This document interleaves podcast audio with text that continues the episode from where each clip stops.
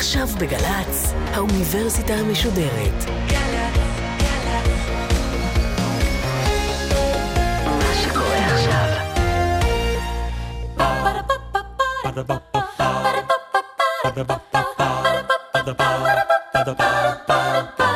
האוניברסיטה המשודרת בשיתוף מיזם וויז מציגה המדען העירום, מיטב החוקרים בישראל בשיחה עם בן שני, אחד על אחד מול קהל. והפעם הפרופסור רונית סאצ'י פיינארו מאוניברסיטת תל אביב על מחלת הסרטן וננו-טכנולוגיה. עורכת ראשית מאיה גאייר. ערב טוב לכם. המסע המדעי של האורחת שלנו התחיל כנראה במקום הכי קרוב אליה, ליד מיטת אביה החולה. היה לרונית סאצ'י כבר אז בגיל 19 חלום להביא תרופה לסרטן. זה אומנם סיפור רגשי מאוד, יש בו בנסיבות הקשות הללו אפילו משהו נאיבי, אבל כנראה שיש בו גם כוח, כיוון שהיום פרופסור רונית סאצ'י פיינארו נמצאת בחזית המחקר של טכנולוגיות פורצות דרך לטיפול בסרטן. אנחנו נדבר הערב על הדרכים העתידניות להילחם בסרטן, כמה מהן ממש מציתות את הדמיון. רוצים דוגמאות? הנה שתיים. איך מייצרים משאית או מכולה זעירה שמובילה תרופה דרך מחזור הדם עד לגידול עצמו. או איך מדפיסים בעזרת מדפסת תלת מימד גידול סרטני כמו שיש לחולה למשל במוח ואז במעבדה מנסים על המודל הזה את התרופה שתמגר אותו.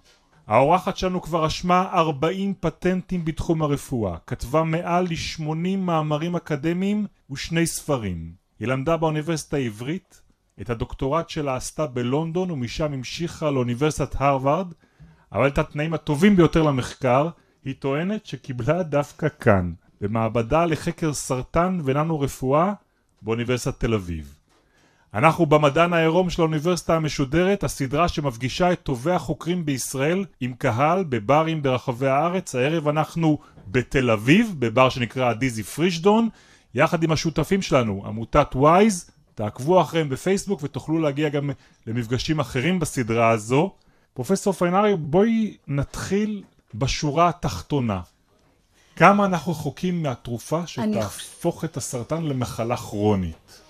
אוקיי, okay, אז אני חושבת שבשביל זה צריך קודם אה, להבין ולהגדיר כמה מושגים בסיסיים. סרטן, למרות שכולנו, ואפילו הופתעתי לגלות שסטודנטים שלי, סטודנטים לרפואה שנה שנייה, עדיין קוראים לזה המחלה, זה לא מחלה אחת. מדובר בלפחות 250 מחלות שונות, אז עצם העובדה שאנחנו מנסים להגיד כמה אנחנו רחוקים מהתרופה למחלה, למחלת הסרטן, כבר יש פה איזו בעיה בהגדרה עצמה. אז בחלק מהמקרים אנחנו כבר שם. זאת אומרת, יש לנו כבר סוגי סרטן מסוימים שכבר מצאו תרופה שמתאימה. זה בדרך כלל גידולים שגדלים יותר לאט, הם יותר ממוקדים, תופסים אותם בזמן, כמו סרטן האשכים לדוגמה, יש לנו תרופה שעובדת, עובדת מצוין ומגיעים. יש עוד כמה כאלה, תלוי מתי תופסים את זה. אם אתה שואל אותי, בואי ניקח את uh, סוגי הסרטן האלימים, הקשים, שאין לנו היום פתרון, כמה רחוקים שם? רחוקים מאוד. בואי נשאל אותך במונחים שאולי יותר מדברים למי שיושב כאן בבר הזה, והקהל ברובו צעיר, אני, בעיניים אני אומר הגיל הממוצע כאן אולי פחות משלושים.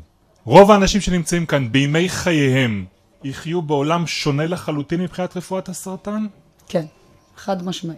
אז אנחנו יכולים לצאת עם משהו אופטימי מהערב הזה. כן, חד משמעי כן. אני חושבת שהתחום, בכלל, תחום הרפואה מתקדם בקצב מטאורי. אנחנו רואים שינויים שאם ניקח רק את ה-16 שנים האחרונות, משנת 2000, שריצפו את הגנום האנושי, מה קרה מאז? זו התקדמות שלא יכולנו אפילו לדמיין לאן נגיע תוך 10-15 אה, שנה. אז הקצב והטכנולוגיה והכוח המחשוב מאפשר לנו היום לרצף גנום שלם, לרצף את הגנום של סוג סרטן מסוים, להריץ אה, מה כל הגנים שמשתנים שם, מה כל החלבונים, ביטוי של החלבונים שמשתנים לעומת הרקמה הנורמלית. זה דברים שלא רק שלא היה לנו יכולת לעשות, לא חלמנו בכלל שנוכל לעשות אותם. אז אה, זה קצת כמו לחשוב בין אה, לעבור מנר לחשמל. זאת אומרת, זה לא, עם כל המחשבה כשהיו נרות זה איך נעשה נרות שמחזיקים יותר זמן מעמד, או איך נשנה את הצבע שלהם, נוסיף להם ריח. ולעבור מכאן לנורה, זה בערך איפה שאנחנו נמצאים במעבר שם. את אומרת, זה לא, אפילו לא חלמנו על זה, וכשמדובר בך, החלום הזה היה משהו מאוד משמעותי, נכון? כן. איפה המסע שלך באמת מתחיל? אה, המסע שלי מתחיל בגיל 19, שבכלל אה, הייתי בכיוונים אחרים לגמרי, הייתי, מה? הייתי רקדנית, בלט מקצועי. אה, למדתי פיזיקה, כימיה בשביל בתיכון. התחביב, כן. בשביל הכיף. ותוך כדי, החיים מובילים אותנו למקומות אה, קצת אה, לא צפויים לפעמים. אבי נפטר מסרטן, אבל תוך כדי הצבא ראיתי שבעצם מה שאני רוצה לעשות זה למצוא תרופה לסרטן. גם אני הייתי אז נאיבית, ובדיוק כמו השאלה הראשונה שלך, מתי נמצא תרופה לסרטן, חשבתי שזה סרטן אחד, סרטן זה סרטן ולא משנה איזה סוג, ונמצא לו תרופה, והחלטתי שאני אלמד רוקחות. אני חייב להגיד לך ש, שעל הכיסא שלך כבר ישבו הרבה מדענים בסדרה שלנו שמתעסקים ברפואה. חלקם הגיעו ממקומות שנראו לי אזוטריים כמו פיזיקה, כמו מחשבים, אל מדעי מוח, אבל דווקא מהשדה, רוקחות עוד לא שמעתי. זאת אומרת, שמעתי ביולוגיה, ושמע... למה רוקחות?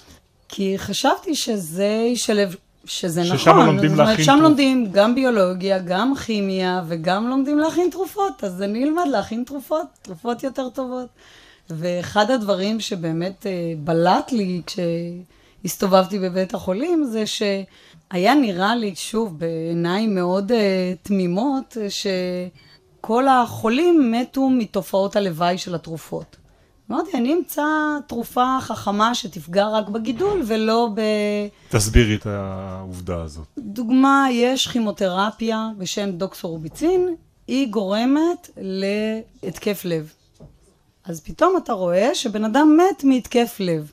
מה שאנחנו רובנו לא מבינים, שאני הבנתי עם הזמן, אה, כמה שנים טובות אחר כך, זה שבלי התרופה הזאת הם היו מתים הרבה קודם. אבל התרופה הזאת אפשרה להרוג הרבה תאים סרטניים, שזה מצוין, זה החלק הטוב פה, אבל בו זמנית היא גם הורגת תאים נורמליים שמתחלקים מהר, וביניהם היא הורגת תאים שבלב וגורמת לדום לב. כי אז- אם אני מזריק את התרופה הזאת דרך מחזור הדם, היא מגיעה לכל היא מקום. מגיעה לכל מקום, היא תתפזר בכל הגוף, והכימותרפיה הקונבנציונלית זה חומר שהורג תאים שמתחלקים מהר. ואם התאים האלה הם תאי סרטן, אז כולנו מרוצים, ואנחנו אומרים, וואי, איזה תרופה טובה, היא הורגת את הסרטן, את הגידול. אבל כשהיא עושה בדיוק את מה שהיא מיועדת לעשות, להרוג תאים שמתחלקים מהר, רק התאים האלה, במקרה הזה זה תאים בריאים, נורמליים, כמו תאי שורשי הסערה, כמו תאים במערכת העיכול, שבאים להגן עלינו, על צינור העיכול, בעצם אה, גופים זרים, מהאוכל שכולנו אוכלים. אז הם מתחלקים מאוד מהר. אז uh, כשתרופה כזאת נכנסת למחזור הדם, היא הורגת את התאים האלה גם, ואז אנחנו רואים תופעות לוואי של...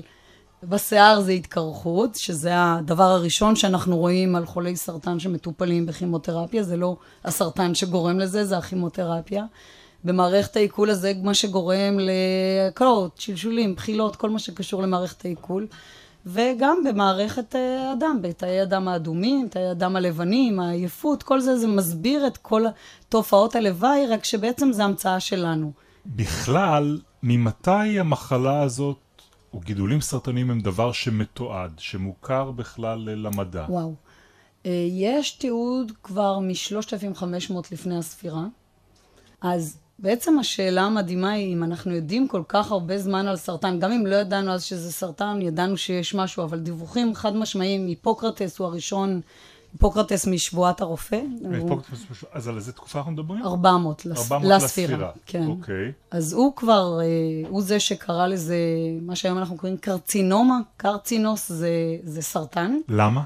כי זה הזכיר לו מה שהוא ראה בגופות, ש... שהוא זיהה את הגידולים, זה הזכיר לו סרטן שמתפלש לו בחול ושולח ידיים. אותם ידיים זה בעצם הגרורות של הסרטן, שזאת הבעיה העיקרית אה, היום, זאת אומרת, הוא עלה בדיוק על הבעיה.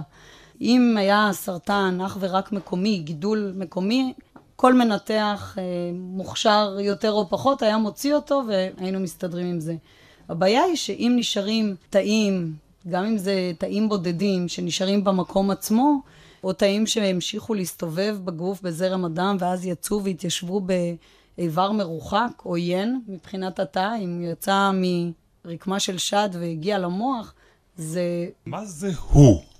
מה זה הישות הזאת שאת מתארת שהיא משהו עצמאי לחלוטין מהגוף שלנו שמחליט לעשות שם את הנזקים האלה?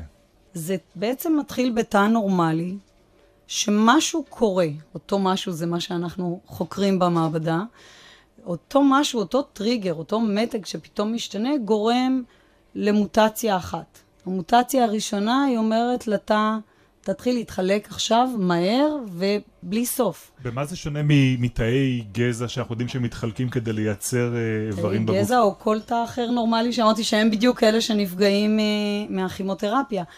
השוני הוא שבדרך כלל כשזה תא שלא אמור להתחלק מהר ולא אמור להתחלק בצורה אינסופית, בצורה אלמותית, יש לנו בקרים בתוך הגוף, בקרים בכל תא, שאומרים לתא הזה, תתאבד. ועכשיו המוטציה הראשונה היא תתחלק בלי סוף, והמוטציה השנייה היא אל תתאבד. זאת אומרת, תמשיך, תתעלם מהסיגנל שמשהו לא בסדר, ותיתן לתא להמשיך לגדול. אז אם תאים נורמליים, נשים אותם בצלחת והם יתחלקו, ברגע שהם ייגעו אחד בשני, זה מספיק בשביל סיגנל להגיד, תפסיק, זהו, תפסיק טוב. להתחלק. תאי סרטן שעברו את שני השינויים האלה, את שתי המוטציות האלה, ממשיכים. אז זה שני השינויים העיקריים שהופכים תא נורמלי לתא סרטני. בשלב הזה הם מתחילים לגייס את הסביבה לעזור להם. כמה זה חריג? כמה התופעה הזאת שאת מתארת היא לא מוכרת לרובנו? זה הסוד השמור ביותר אה, בעולם, אני חושבת, למרות שזה דווח ומפורסם. אה, אפילו יש מחקר מלפני 20 שנה בשוודיה, שתיאר אה, ניתוחים לאחר המוות של אנשים שמתו מטראומה. טראומה זה אומר מתו מתאונות דרכים, התאבדויות, כל סיבה שהיא שלא קשורה למחלה, לא לסרטן או לכל מחלה אחרת שאותו בן אדם ידע על זה. ומצאו שכמחצית מהאנשים היה להם גידולים קטנטנים, זאת אומרת צבר של תאים שעברו את שני השינויים האלה, התחילו להתחלק בלי סוף וגם אה, לא למות. אצל הגברים כ-46% היה להם אותם גידולים קטנטנים בהרמונית. מה, ו... זה אומר שהאנשים האלה היו חולים בסרטן? סרטן ללא מחלה. זאת אומרת, היו שם גידולים, הממצא המדהים ביותר זה ש-99% היה להם כאלה גידולים קטנטניים בבלוטת התריס. 99% ש... מהאנשים שנבדקו. שנבדקו בגופות לאחר, ניתוחים לאחר המוות, מאנשים שלא ידעו שהם חולים. לא היה שום רמז לזה, ומה שמדהים בזה זה שסביר להניח שהם רובם היו ממשיכים את חייהם. בלי לדעת בכלל שיש להם את זה, עד גיל 120. עם גידולים בגודל של, של מה? של מילימטר, שניים. קטנים, יושבים להם שם, מחכים.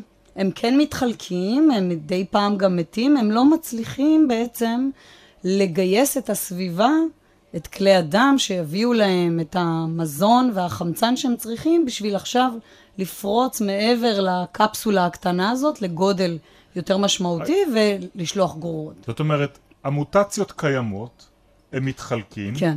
הם לא מתאבדים, ולכן הם גדלים, ומה מונע מהם לעבור את השלב הבא? שחלק מהם עדיין כן מתאבדים. אוקיי. זאת אומרת, כל הזמן יש שם פעילות ששומרת על איזשהו איזון, בגלל שהם לא מצליחים בשלב הזה לגייס את כלי הדם שיביאו להם את המזון והחמצן. מה זאת אומרת לגייס את כלי mm. הדם? מה, אתה, אתה יכול לגרום למערכת הדם בגוף אה, פתאום להשתנות ולייצר אה, מעקפים ו, ועניינים? או כן. שאתה צריך לייצר כאלה בעצמך?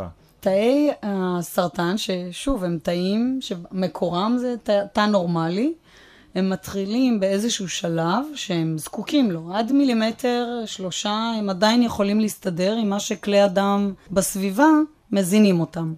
בשביל לגדול מעבר לזה, אז הם כבר צריכים כלי דם חדשים, ובשביל זה הם מתחילים להפריש כל מיני חלבונים שיודעים לגייס כלי דם. מה זה לגייס כלי דם? זה להגיד לתאים שמרכיבים את כלי הדם, את הצינור שלידם, להגיד להם, עכשיו תתחילו אתם להתחלק.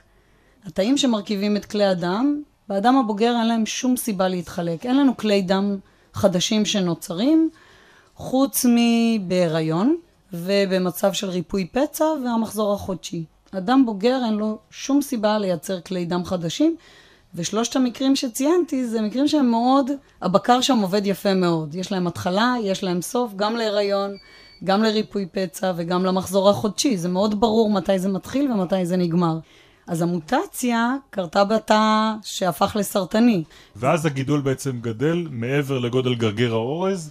נכון, אז הוא גדל, עולה במסה, אבל זה עוד משהו שעדיין אנחנו יכולים להתמודד איתו. איך?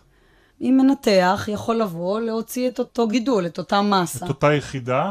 אלא אם כן הוא יפספס כמה תאים שיישארו, או עם הקרנות. זאת אומרת, יש דברים ממוקדים, פיזיקליים או, זו הכירורגיה שאנחנו מכירים במקרה כן. של גידול, והרופא יוצא ואומר, ניקיתי הכל. אוקיי. מקווה שניקיתי הכל. כי מה?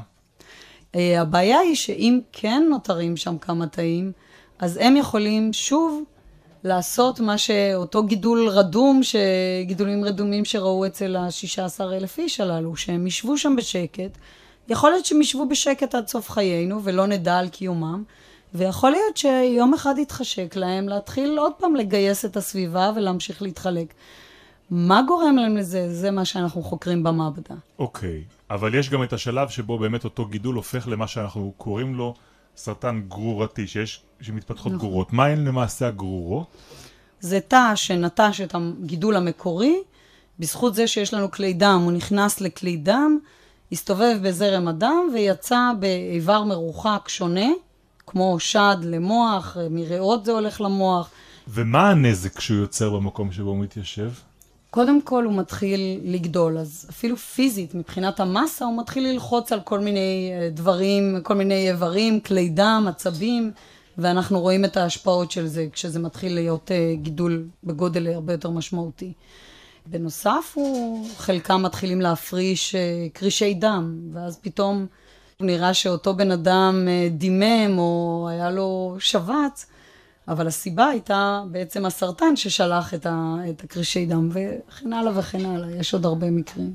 אז הרפואה הקונבנציונלית יודעת בעצם, אמרנו, לנתח, לנסות להסיר את הסרטן ואת התאים הסרטניים, ו... בכל מה שנשאר מטפלת בעזרת הקימותרפיה, שבעצם כמו שאמרת mm. הולכת לכל רוחב uh, הגזרה. ותהרוג תאים שמתחלקים מהר, והקרנות שעושות אותו דבר, קרינה הורגת תאים שמהם. אבל בשנים האחרונות מדובר על התרופות מסדר חדש, נכון? Mm-hmm. והבאזוורד הוא מה? תרופות ממוקדות. ממוקדות מטרה, targeted therapy. כן. שהמטרה היא מה? לא להזריק אותן לתוך אה, הגידול עצמו, אלא למצוא דרך להביא אותן, לעשות את העבודה רק על הגידול ולא על, כמו שאמרת, על תאים אחרים mm-hmm. במערכת העיכול או בשורשי הסערה, למנוע למעשה את תופעות הלוואי. נכון. לא ש... להרעיל את כל הגוף. בדיוק, שמנגנון הפעולה שלהם לא יהיה כזה שבוא נהרוג כל מה שמתחלק מהר, אלא נמצא איזשהו מאפיין שמייחד את התא הסרטני, ולבוא ולפגוע באותו סמן מזהה שימצא רק את התאים האלה. עדיין יכול להיות שהתרופות האלה יתפזרו בכל הגוף, אבל הם ישפיעו רק במקום שיש את השינוי הזה שמאפיין את אותם תאים. אז מה מנסים לעשות בעצם? מה התרופות החדשות יודעות לעשות? אני יודע שהבאזוורד הוא אימונותרפי, איך זה נקרא? כן. משהו ש...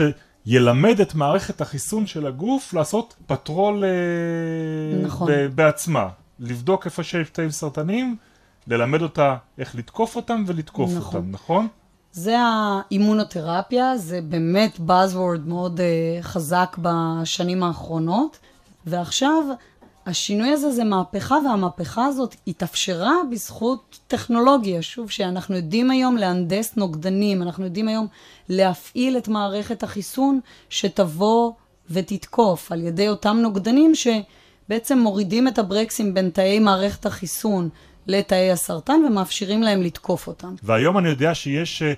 בארצות הברית האתגר שנקרא מונשוט 2020, שעד 2020 יגיעו למקום חדש לגמרי מבחינת היכולת לטפל באימונותרפי. כן, זה- ואת פה זה- מחייכת בחיוך ספקני, זה- כי, כי זאת לא מה? אופטימי מאוד, אוקיי, אה, 2020, יומרני מאוד. כן. אה, 2020 זה מעבר לפינה, זה עוד ארבע שנים. מה שלא פתרנו שיקרה ב-2020? בשלושת אלפים שנה, נפתור עכשיו אה, בארבע שנים.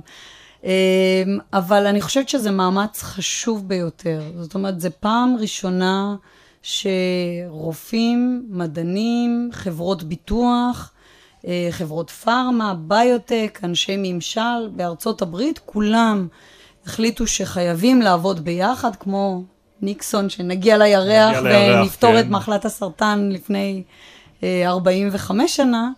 אני חושבת שהם נתנו זמן קצת קצר מדי, חמש שנים, זה היה לפני שנה בדיוק, בינואר, אה, אבל עדיין המאמץ הזה הוא חשוב מאין כמוהו. זה א', הוא מאמץ, שעצם העובדה שכולם מוכנים לדבר אחד עם השני, זה הבנה שכמו שאני במיקרוקוסמוס שלי במעבדה, יש לי 30 אנשים שבאים מכימיה, ביולוגיה, הנדסה, רפואה, מחשבים.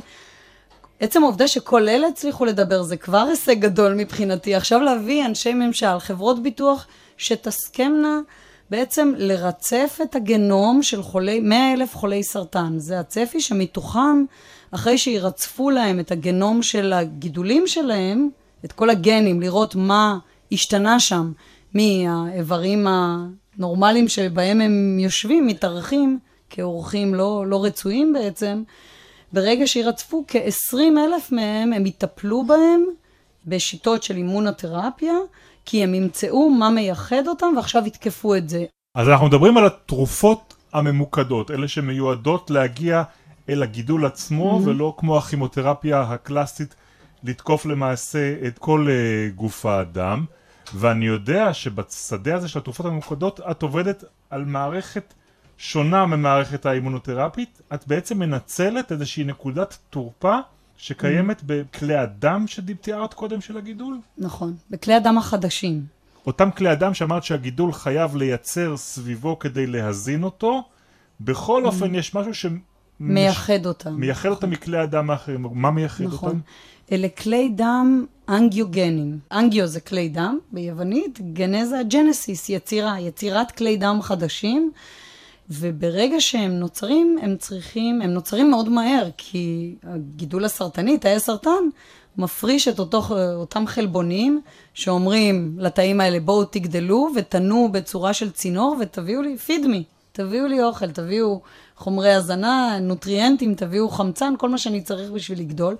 ובגלל שהדרישה היא כל כך מסיבית ומהירה, והחלבון הזה כל הזמן נמצא, כלי הדם הם לא כלי דם תקינים כל כך, הם הם לא כמו בסדר. צינור שבנו אותו מהר. כן, ומה זה אומר? חרירי. צינור חרירי. מאוד חרירי, הוא דולף. הצינור הזה, במקום להיות אטום. רציף ואטום, ושכל הזרימה תהיה בפנים, מדי פעם מתפלק וכמה דברים יוצאים החוצה מהכלי דם הזה, כי יש לו חורים. והדרך שלי לנצל את נקודת התרופה הזאת, זה בעצם לייצר ננו תרופות, שזה גודל ננומטרי, זה אומר 10 במינוס 9 מטר, רק שיהיה לכם מושג, ננומטר אחד לכדור טניס, זה כמו כדור טניס לכדור הארץ. זה אוקיי. הסדר גודל. אז את מדברת על כמה כאלה? מה הגודל? 20 עד 100 ננומטר. אז אוקיי. כדורים כאלה של 100 ננומטר, שמבחינתנו זה משהו מאוד מאוד קטן, אבל מבחינת כלי הדם זה ענק. אז בכלי דם תקינים ואטומים, רציפים, אז אותם כדורים, ננומטרים של 100 ננומטר, מסתובבים, מסתובבים, מסתובבים, לא יקרה כלום, הם לא יצאו באף רקמה. אבל כשהם יגיעו לכלי דם חרירי שכזה, שיש בו חורים, אותם חלקיקים יצאו, ננו חלקיקים יצאו החוצה ועכשיו יתיישבו ברקמה. עכשיו צריך משהו שיפעיל את המונית הזאת, או את הטיל המכוון הזה, שגם יגיד לנוסעים לצאת החוצה, לתרופות שזה מביא. ובעצם זה היכולת שלנו לקחת, כן לשלב את כל הריצוף הגנום ולראות מה מייחד את הרקמה הסרטנית, שאני אוכל להשתמש בחלבון שיש שם או בגן שמבוטא שם ביתר, שיפתח את הדלת ויגיד עכשיו לתרופות, צאו החוצה ותהרגו את התאים שנמצאים כאן ורק כאן. טוב, את חושבת שאת הולכת, ש, שפתרת את הדבר הזה במשפט האחד, אנחנו הולכים לייחד לטכנולוגיה המדהימה הזאת, mm-hmm. שאת מנצלת באמת את אותן פרצות בכלי הדם שנמצאים על הגידול כדי למעשה לתקוף את הגידול ורק את הגידול, אנחנו הולכים לייחד להם את החלק השני של המפגש איתך, אבל לפני זה יש לנו כאן קהל בבר הזה בתל אביב, ואני מניח שבשלב הזה גם יש כבר שאלות שרוצים לשאול אותך, פרופסור רונית צאצ'י פיינארו. כן. אם הסרטנים הם ייחודיים, כל סרטן יכול להיות עם מוטציה משלו, אה, להציג חלבונים אחרים על התא, למנוע את ההיכרות של מערכת החיסון איתו בצורה שונה. אתם חושבים שתוכלו למצוא משהו שהוא ייחודי לכל הסרטנים? אמרת שתמצאו איזשהו חלבון שיעשה אקטיבציה לתרופות האלה. כן, אז אה, שאלה מצוינת. נגעת בדיוק בבעיה ש...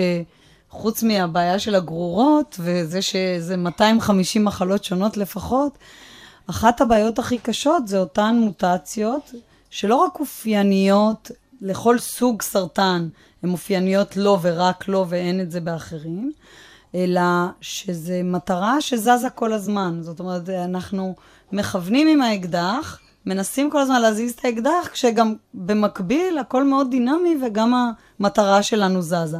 ואותה מטרה זה אותה מוטציה שגם אם עלינו על המוטציה, כמו לדוגמה אותו חלבון שמייצר כלי דם, אז המציאו בשביל זה תרופה. המציאו נוגדן, זה נקרא אבסטין למי שמכיר, זה נוגדן שמתחבר לאותו חלבון ומעיף אותו מהשטח, שזה רעיון גאוני. בואו ניפטר מהחלבון, ואז הוא לא יגיד לתאי האנדוטל, לתאים שמייצרים את כלי דם חדשים, הוא, הוא לא יהיה שם בכלל בשביל להגיד לתא הזה, בוא תיצור כלי דם חדשים, תתחלק ותנוע ותיצור צינור חדש. אז עשו את זה, זה עובד מצוין בסרטן המעי הגס, אה, גרורתי, בשילוב עם כימותרפיה, במצב מאוד מסוים, כי שם הם מאוד מאוד תלויים בחלבון הזה. בסרטן שד זה נחל כישלון טוטאלי. כי שם אחרי חצי שנה, גם אם לקחנו את החלבון הזה, בינתיים התאים הסרטניים בסרטן השד יצרו לפחות עוד שישה חלבונים אחרים בשביל לפצות על החסר באותו חלבון שאנחנו הכרנו שמייצר כלי דם. אז זה מין משחק שחמט כזה, שכל פעם אנחנו הולכים צעד קדימה, הוא הולך שמונה צעדים מולנו, אז זה מחזיר אותנו אחורה, המטרה כל הזמן זזה, ובאותו גידול, תאים שונים, יכול להיות שיהיה להם מוטציות שונות. זאת אומרת שאם נעשה תמונה של קריוטיפ, זו תמונה של הכרומוזומים בתאים שונים, בתאים שונים בסרטן, בגידול סרטני, מאותו גידול, אנחנו נראה שלא יהיה בהם את אותם שינויים אפילו. לא רק שיש שינויים מהנורמה, בכל תא יש משהו אחר. אז אם הצלחתי להרוג את האוכלוסייה שיש בהם את המוטציה המסוימת הזאת שדיברת עליה, שהצלחנו לכוון רק אליה, אחרים ימשיכו לחיות שם. עוד שאלה? קוראים לי אלון. לא הזכרת בשום שלב תרופות ביולוגיות, שזה משהו שאני שומע מסביב כל הזמן. אם תוכלי רק לעזור לי למקם את זה, איפה זה עומד ביחס לדברים זה, שאת עושה. זה חלק מאותן תרופות שהן מכוונות מטרה. זה התרופות הביולוגיות. זה יכול להיות חומר כימי וזה יכול להיות חומר ביולוגי כמו הנוגדנים. נוגדנים זה חומר ביולוגי. זה מותאם למטרה מסוימת, לסמן שנמצא על קרום התא הסרטני, ועכשיו זה בא, אותו נוגדן בא ונתפס ו- ונקשר אליו. ואז הוא מעכב כל מיני סיגנלים לתא, אותם סיגנלים שאומרים לתא, תתחלק עכשיו הרבה, אה, מהר ובלי סוף, או שאותם סיגנלים שעכשיו יגידו לתא, תתאבד. אז נוגדנים זה דוגמה לזה, רצפים של RNA. זה בא מהגנום מ-DNA ל-RNA לחלבון, רצפים של RNA משתיק לדוגמה, זה משהו של בערך אה, רצף של 20 נוקלאוטידים שמגיעים ועכשיו באים להשתיק את הביטוי של גן מסוים שהוא לא יתבטא יותר. משהו שזכו על, ב, לפני עשור בפרס נובל, זה נקרא RNA interference, זה רצפים קצרים מאוד של RNA שלא מאפשרים את התרגום לאותו חלבון בתוך התא, שהוא החלבון שאומר לתא תתחלק מהר, או תנוע מהר, או תהפוך באופן כללי לאגרסיבי. פרופסור רונית סאצ'י פיינארו, אל תלכי לשום מקום. אנחנו נשארים כאן בבר בתל אביב, אבל נפרדים מהמאזינים שלנו בגלי צה"ל. הם ישובו לשמוע אותך בשבוע הבא, או אם יעקבו אחרי היישומון, האפליקציה של גלי צה"ל, כל ההרצאות בסדרה שלנו נמצאות שם. ועד הפעם הבאה, לילה טוב.